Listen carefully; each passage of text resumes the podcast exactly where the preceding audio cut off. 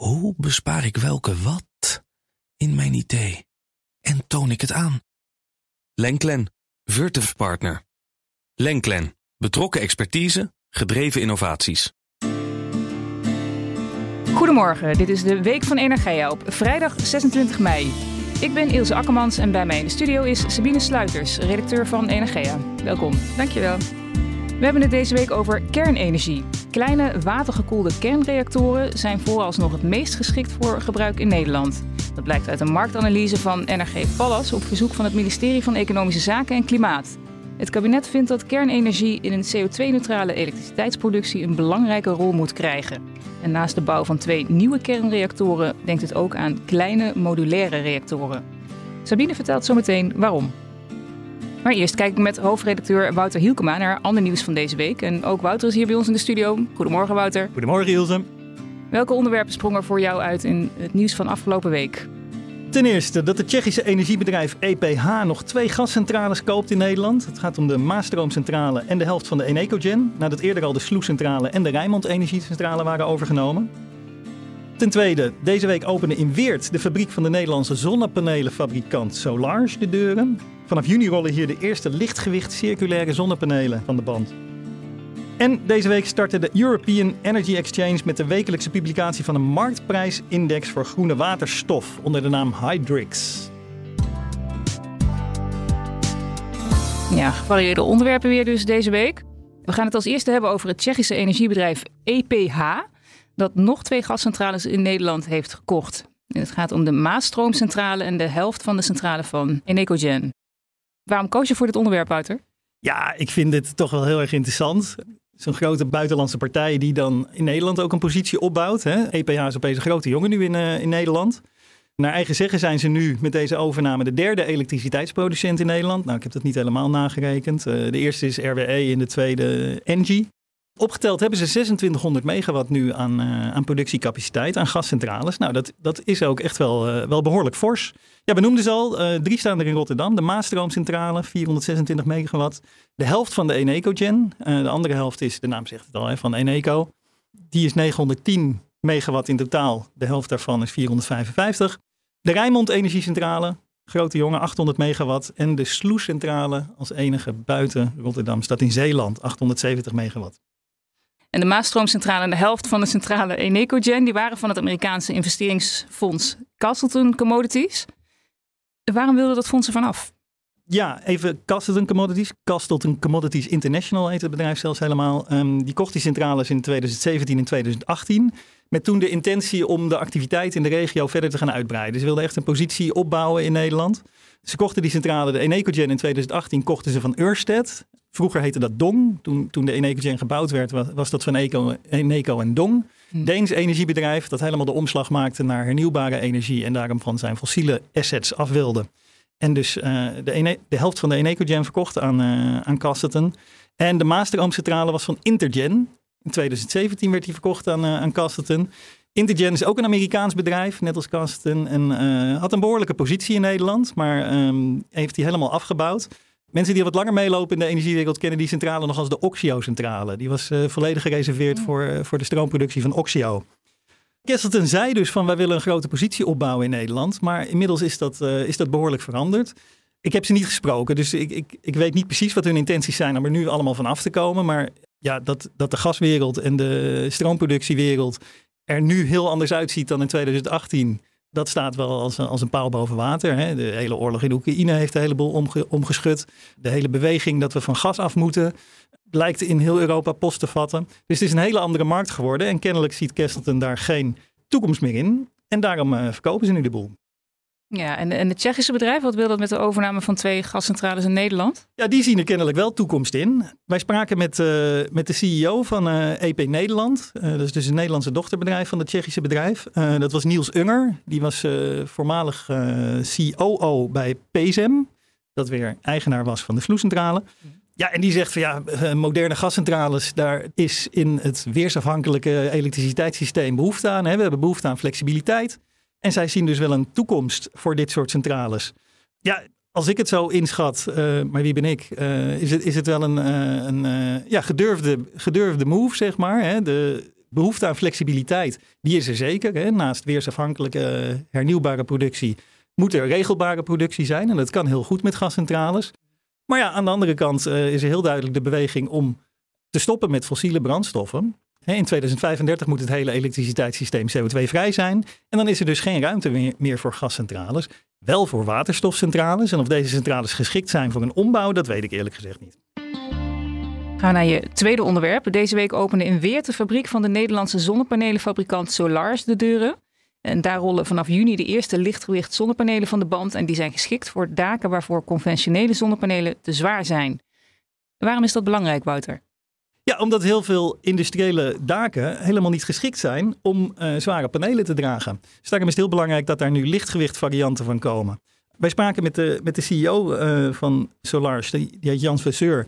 En die uh, schatten dat ongeveer 50 tot 60 procent van de platte en schuine industriële daken eigenlijk niet, op dit moment niet geschikt is voor zonnepanelen, omdat die gewoon te zwaar zijn. Zonnepanelen die zijn over het algemeen van aluminium en de zonnecellen zijn dan van glas. Ja, en die, de dakconstructies kunnen dat niet aan. Dus daar is nog een enorme markt te ontginnen. Uh, zeker als, als in de toekomst, vanaf 2025 geloof ik, moet elk dak dat groter is dan 250 vierkante meter, moet eigenlijk verplicht zonnepanelen daarop leggen. Um, maar goed, dan moet dat wel kunnen. Nou, Solars probeert die markt aan te boren door daar nu lichtgewicht zonnepanelen van, voor te bouwen. In plaats van aluminium gebruiken ze kunststof. Voor de zonnecellen wordt wel nog glas gebruikt als ik het goed heb. Maar ze, ze weten daar een flinke gewichtsreductie te realiseren. Dus de, dat, dat zou, een, zou een grote markt moeten, moeten bieden. Ja, de fabriek in Weert heeft de capaciteit om jaarlijks 200.000 circulaire en lichtgewicht zonnepanelen te produceren. Dat moet uitgebreid worden naar 600.000 per jaar, begreep ik. Wie zijn de klanten waarop Solars mikt? Dat zijn uh, over het algemeen middelgrote bedrijven die dus een niet stevig genoeg dak hebben om nu al zonnepanelen op te leggen. En je moet dan denken uit, aan gewoon standaard middelgrote bedrijven, koelhuizen, productiebedrijven, houtzagerijen, kleine aluminiumsmelterijen, kleine industrie. Mm Allerlei bedrijven waar, waar de dakconstructie niet een vaak heb je het over grote daken, grote vierkante meters, um, die niet geschikt zijn om dat gewicht van die zonnepanelen, zoals die nu gebouwd wordt, te dragen. Mhm. Maar wel dat lichtgewicht, die lichtgewicht zonnepanelen kunnen dragen. Mhm. Wat je ook zei, is wel even een belangrijk woord om uit te lichten. Hè? Circulair. Dat is iets waar Solar zich ook duidelijk mee onderscheidt. Mhm. Hun panelen kunnen vrijwel geheel hergebruikt worden. Ze gebruiken ook geen chemische stoffen uh, die, die moeilijk te verwerken zijn uh, na de levensduur. Um, dus dat is ook wel echt een, iets waar ze, waar ze zich op laten voorstaan andere kant van de medaille daarvan is wel dat, die, dat de panelen wat duurder zijn. Ze zijn ongeveer 20 tot 25 procent duurder dan de standaard in de markt, zeg maar. Ja. Er wordt wel aan gewerkt om dat uh, te verbeteren. Er wordt gemikt, geloof ik, op, op een halvering daarvan. Hè? Een halvering van de meerprijs binnen twee jaar. Met name door, door goedkoper materiaal of beter materiaalgebruik te kiezen. Maar dat is nog wel een puntje van aandacht. Ja, en dat klinkt als een enorme onderneming en ook ambitie dus op Nederlandse bodem. Tot nog toe werden zonnepanelen vooral in China gemaakt. Is Solars niet bang voor concurrentie uit China? Nee, zeggen ze ronduit. Verseur zei van wij doen echt iets heel anders dan, uh, dan wat er in China gebeurt. Het is een beetje maatwerk, heel specifieke productietak voor die lichtgericht zonnepanelen, die ook uh, nou ja, bijvoorbeeld geschikt kunnen worden gemaakt om op kassen te plaatsen. Nou, dat zijn, zijn allemaal verfijningen waarvan Vasseur zegt dat gebeurt helemaal niet in China. Daarnaast heeft het bedrijf ook het tij mee. Hè. Je ziet in Europa zie je een hele duidelijke beweging dat uh, maakindustrie en belangrijke uh, toekomstige technologieën terug naar Europa gehaald worden. Hè. Dat is de afgelopen jaren allemaal uitbesteed naar, naar overal waar het het goedkoopst kon. Maar Europa wil dat uit strategische overwegingen weer hierheen halen. Mm zonnepanelenproductie is daar absoluut één van. De zonnecellen worden trouwens door Solars op dit moment wel nog in China gekocht. Willen ze ook vanaf. En um, wat dat betreft is de timing ook goed. Er is uh, afgelopen jaar is er de coalitie Solar NL aangekondigd. Dat zijn 13 bedrijven en kennisinstellingen die in Groningen een Nederlandse zonnecelproductie willen gaan opstarten. Dus dat is eigenlijk de hele Nederlandse zonne-energiesector die er samen een zonnecelproductie wil gaan opstarten om te gebruiken in alle Nederlandse zonnepanelenfabrikanten. Uh, Solarge is daar ook onderdeel van en die zouden heel graag daar hun zonnecellen willen gaan afnemen. Dan hebben we nog je derde onderwerp, de European Energy Exchange. EEX ging deze week van start met de wekelijkse publicatie van een marktprijsindex voor groene waterstof, Hydrix. En over twee weken komt er ook een Nederlandse index, HiClicks. Mooie namen allemaal. Ja, hele mooie namen. Die lijken ook wel een beetje op elkaar. Volgens de European Energy Exchange is de marktprijsindex voor groene waterstof een wereldprimeur. Wat gaat deze index, Hydrix, precies doen, Wouter? Ja, eigenlijk een prijs plakken op waterstof. Een prijs die, die betrouwbaar is en die voor iedereen die zelf niet waterstof aan het kopen is, maar daar wel iets mee te maken heeft of wil weten wat het kost, daar een betrouwbaar cijfer voor krijgt. En wat EEX doet is, ze gaan werkelijke handelsprijzen, krijgen ze op anonieme basis van, van de partijen die nu daadwerkelijk groene waterstof verhandelen met elkaar. Dat zijn er nog niet heel veel, maar dat gebeurt al wel. Mhm. En op basis van die werkelijk tot stand gekomen prijzen gaan ze dus een, ja, een, een marktprijsindex in de markt zetten. Afgelopen woensdag is dat, is dat begonnen. Hè? Ze hebben het eh, maandag aangekondigd. En afgelopen woensdag was de eerste. Nou, ik heb natuurlijk geke- gelijk gekeken wat dat is. 228,16 euro per megawattuur is de prijs voor, voor waterstof. In week 21 is dat. Hè? Het is dus Ja. op woensdag wordt er gekeken naar de, de week daarvoor. Ehm, dat is op dit moment trouwens alleen in Duitsland. Ze, ze hebben op dit moment alleen van Duitse partijen hebben ze, hebben ze gegevens. Dus Duitse waterstof heeft een prijs van 228,16 euro per megawattuur. Nou, hoe groot, hoe hoog is het dan? Nou, het is wel heel erg leuk dat ze het eh, euro per megawattuur doen. Hè? Dat is dus euro per energieinhoud. En daarmee kun je het bijvoorbeeld vergelijken met de gasprijs, die ook in euro per megawattuur wordt, eh, wordt eh, geprijsd. Nou, deze prijs voor waterstof is tien keer hoger dan de prijs voor aardgas perzelfde energieeenheid. En in Nederland komt er ook een waterstofindex. Dat klopt. Bert den Oude van High Exchange eh, kondigde dat eh, bij ons aan. Eh 7 juni komt, eh, komt die Nederlandse index. High Clicks inderdaad heet die. Het is een beetje een andere index, waar die High Drix zich baseert op daadwerkelijke marktprijzen. Dus wat, wat kost waterstof als ik het wil kopen? Gaat High Clicks, de Nederlandse index, zich baseren op productiekosten. Dus wat kost waterstof als ik het wil maken? Kostprijsindex. Dus dat is wel interessant. Wordt ook interessant om die twee te vergelijken. Hè? De, kan je zien of het, of, of het uit kan, of er een business case is. Mhm. Die eh, high clicks, dat is, wordt wel echt een hele Nederlandse prijs. Want bij het maken van groene waterstof is elektriciteit nodig. Eh, nou, high clicks gebruikt dan de Nederlandse elektriciteitsprijs per uur op de dag vooruitmarkt. Eh, om te bepalen wat de kostprijs van waterstof is. Dus dat is dan de Nederlandse kostprijs. Eh Bert en Oude legt er wel uit van ja, je kan ook natuurlijk in een andere biedzone. In, in, in Duitsland kun je de Duitse prijs gebruiken. In Frankrijk kun je de Franse prijs gebruiken. Dus het is overal uit te rollen. Maar de high clicks index, dat wordt echt puur een Nederlandse index. Ja, en ik begrijp dat High Exchange ook werkt aan de ontwikkeling van een waterstofbeurs. Dat is nog wel wat, wat meer toekomstmuziek. Dat zal ook nog wel eventjes duren voordat we echt een, een uitgebreide Europese waterstofbeurs hebben. Hè? Ehm, het idee is om nu eerst heel lokaal te beginnen. Bijvoorbeeld in de Rotterdamse haven kan je een, een, een hele lokale waterstofbeurs opzetten. Daar, daar is eh Bert en ook bij High Exchange mee bezig.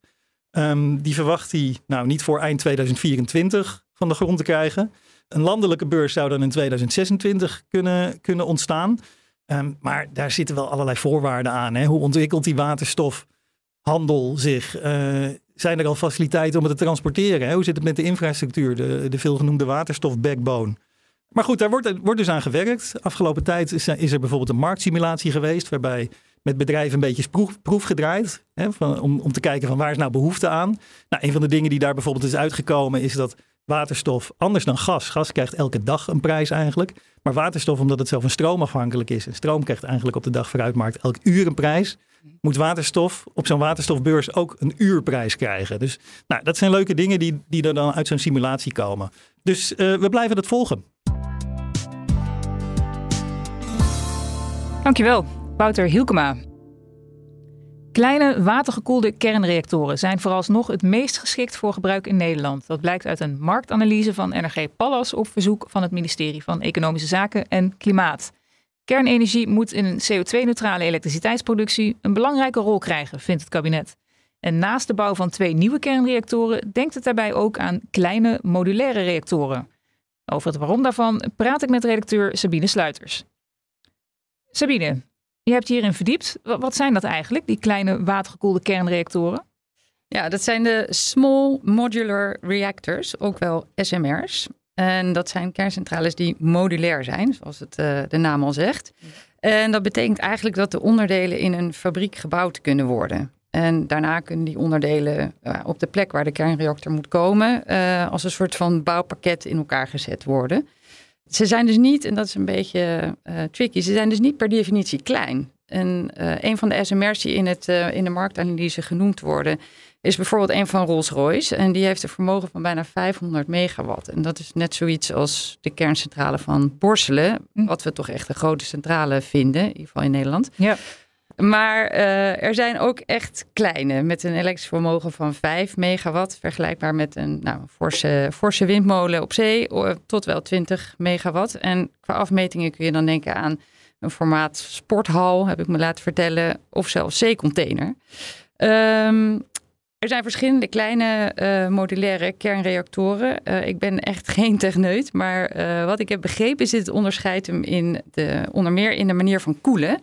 En de SMR's waar het rapport van zegt dat ze binnen, nou ja, zeven jaar gebouwd zouden kunnen worden. Met veel met maar daar komen we straks nog op. die gebruiken de techniek die conventioneel is en dus bekend is van bestaande kerncentrales. Dus ze kunnen gekoeld worden met regulier water. En bij andere SMR's gebeurt dat met bijvoorbeeld gesmolten zout. Ja, kernenergie moet een prominentere rol gaan spelen in het Nederlandse energiebeleid. De Tweede Kamer vroeg een half jaar geleden uh, om een onderzoek naar de mogelijkheden van kleine modulaire kernreactoren. Welke rol kunnen deze reactoren gaan spelen? Zoals we zeg maar in het eerste item ook al uh, aan, uh, aangaven, is, zijn we op weg naar een, een CO2-vrij energiesysteem. En in 2035 moet het elektriciteitssysteem al helemaal CO2-neutraal zijn. Mhm. Ja, dat zal dus voornamelijk gebaseerd zijn op zon en wind. Maar we hebben ook elektriciteit nodig op het moment dat het niet waait en de zon niet schijnt. En dat kan je opvangen door bijvoorbeeld, hè, er zijn ideeën over, door bijvoorbeeld biomassa-centrales met CCS of, of gascentrales op groene waterstof. Maar ja, kerncentrales zouden daar ook een rol in, uh, in kunnen spelen. Ze zijn dus een, een bron van constante elektriciteitsvoorziening. Mm. Maar ze kunnen ook warmte leveren en bijvoorbeeld waterstof. En dat maakt ze weer aantrekkelijk voor industriële clusters. En um, nou ja, veel eh, provincies zien er hel in, omdat uh, als de industrie elektrificeert, dan ontstaat er een hele grote vraag naar elektriciteit. Mhm. En uh, nou, dat is op veel plekken geen ruimte voor. Op het net ook. En uh, nou ja, ook daar zouden eventueel kleine kerncentrales uitkomst kunnen bieden. Ja, en kernenergie krijgt in de toekomst dus een grotere rol in de energievoorziening dan het tot nog toe in Nederland had. Misschien is het goed om nog even te kijken naar de achtergrond daarvan. Hoe kwam kernenergie terug in beeld? Samen met uh, windenergie stoot het per kilowattuur de minste CO2 uit. Mhm. En uh, ja, in onze uh, transitie naar dat CO2-neutrale energiesysteem kan het dus een goede aanvulling zijn. Kernenergie is ook om die reden als overgangsactiviteit opgenomen in de Europese taxonomie. Dus investeringen in kernenergie mogen daarmee als nou ja, duurzaam groen worden aangemerkt.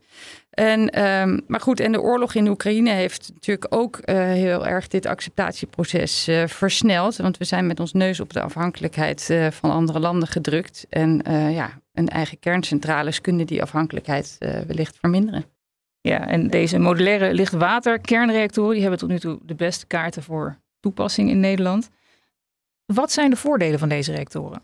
Ja, uh, nou, dat, dan gaat het vooral over de SMR's die uh, dus regulier water of hè, licht water gebruiken voor de koeling. Dit zijn uh, centrales die gebruik maken van bekende technologie. Het is wel belangrijk om hier even een voorbehoud te maken. Want nu lijkt het alsof we dit soort uh, reactoren zo van de plank kunnen trekken. En dat is echt helemaal niet het geval. Zeecontainers. Ja, precies. Uh, de techniek is weliswaar bekend. En er wordt, al, ja, er wordt ook echt wel veel in geïnvesteerd. Maar er is nog nooit eentje echt gebouwd. Dus er is nog geen first of a kind geweest. Laten we zeggen, er is in elk geval nog niet een nth of a kind geweest. Waarin dus, waarmee ze bedoelen uh, dat er niet al meerdere zijn geproduceerd. Je kunt je mhm. voorstellen dat als je er één maakt, dan kom je allerlei uh, foute kinderziektes tegen die er weer uit moeten gehaald worden. Dus zeg na, na misschien uh, vijf of tien van die centrales weet je zeker dat je, ze, dat je de juiste hebt. Ja. Um, en zover zijn we dus echt nog lang niet. En um, het rapport stelt dat op het moment dat zo'n SMR dus al heel veel vaker is geproduceerd en we dus in de NOAC-fase zitten, dat dan de watergekoelde SMR's binnen zeven jaar gebouwd zouden kunnen worden. En dan dat, is een mooi, dat... is een mooi verhaal van, de, van Thijs ten Brink bij Wat is Duurzaam. Eh, Precies. waar, waar het over ging. Hè? Ja. ja, en uh, ja, dat is dan ook nog eens uh, onder voorbehoud van goede financiering en dat alle spullen geleverd kunnen worden. Dus nog veel mitsen en maren. Ja, en dan klinkt zeven jaar nog behoorlijk snel. Dat is inderdaad nog best wel snel. En dat zit hem volgens het rapport in de vergunningverlening. Omdat de techniek al bekend is, zou het minder arbeidsintensief en tijdrovend moeten zijn om de aansluiting, uh, omdat het aansluit bij bepaalde bij Nederlandse wetgeving en uh, regelgeving en standaarden. Volgens experts die ik heb gesproken zit het hem uh, ook vooral in het feit dat zo'n SMR in een fabriek gebouwd kan worden. daardoor kun je al beginnen met het bouwen van de onderdelen voordat, hè, van de reactor, voordat de vergunning voor die plek zeg maar, uh, verleend is. Mm -hmm. En je zou ook voor meerdere locaties in de wereld tegelijkertijd onderdelen kunnen maken. En dat kan het proces natuurlijk ook wel uh, versnellen. SMR's zijn dus in onderdelen te bouwen. En in theorie uh, kunnen dus een groot aantal SMR's tegelijk gemaakt worden in de fabriek. Het idee is dan dat door standaardisering en massaproductie die kosten omlaag kunnen. Ja, kernenergie is dus weer helemaal terug. Um, een kleine kerncentrale kun je in principe overal neerzetten. Dat zijn experts die je hebt uh, gesproken. Ja. Um, is er eigenlijk wel draagvlak voor bij het publiek? Ja, dat is natuurlijk een heel goede vraag. In uh, het uh, artikel van Thijs en Brink wordt daar ook heel erg aan gerefereerd.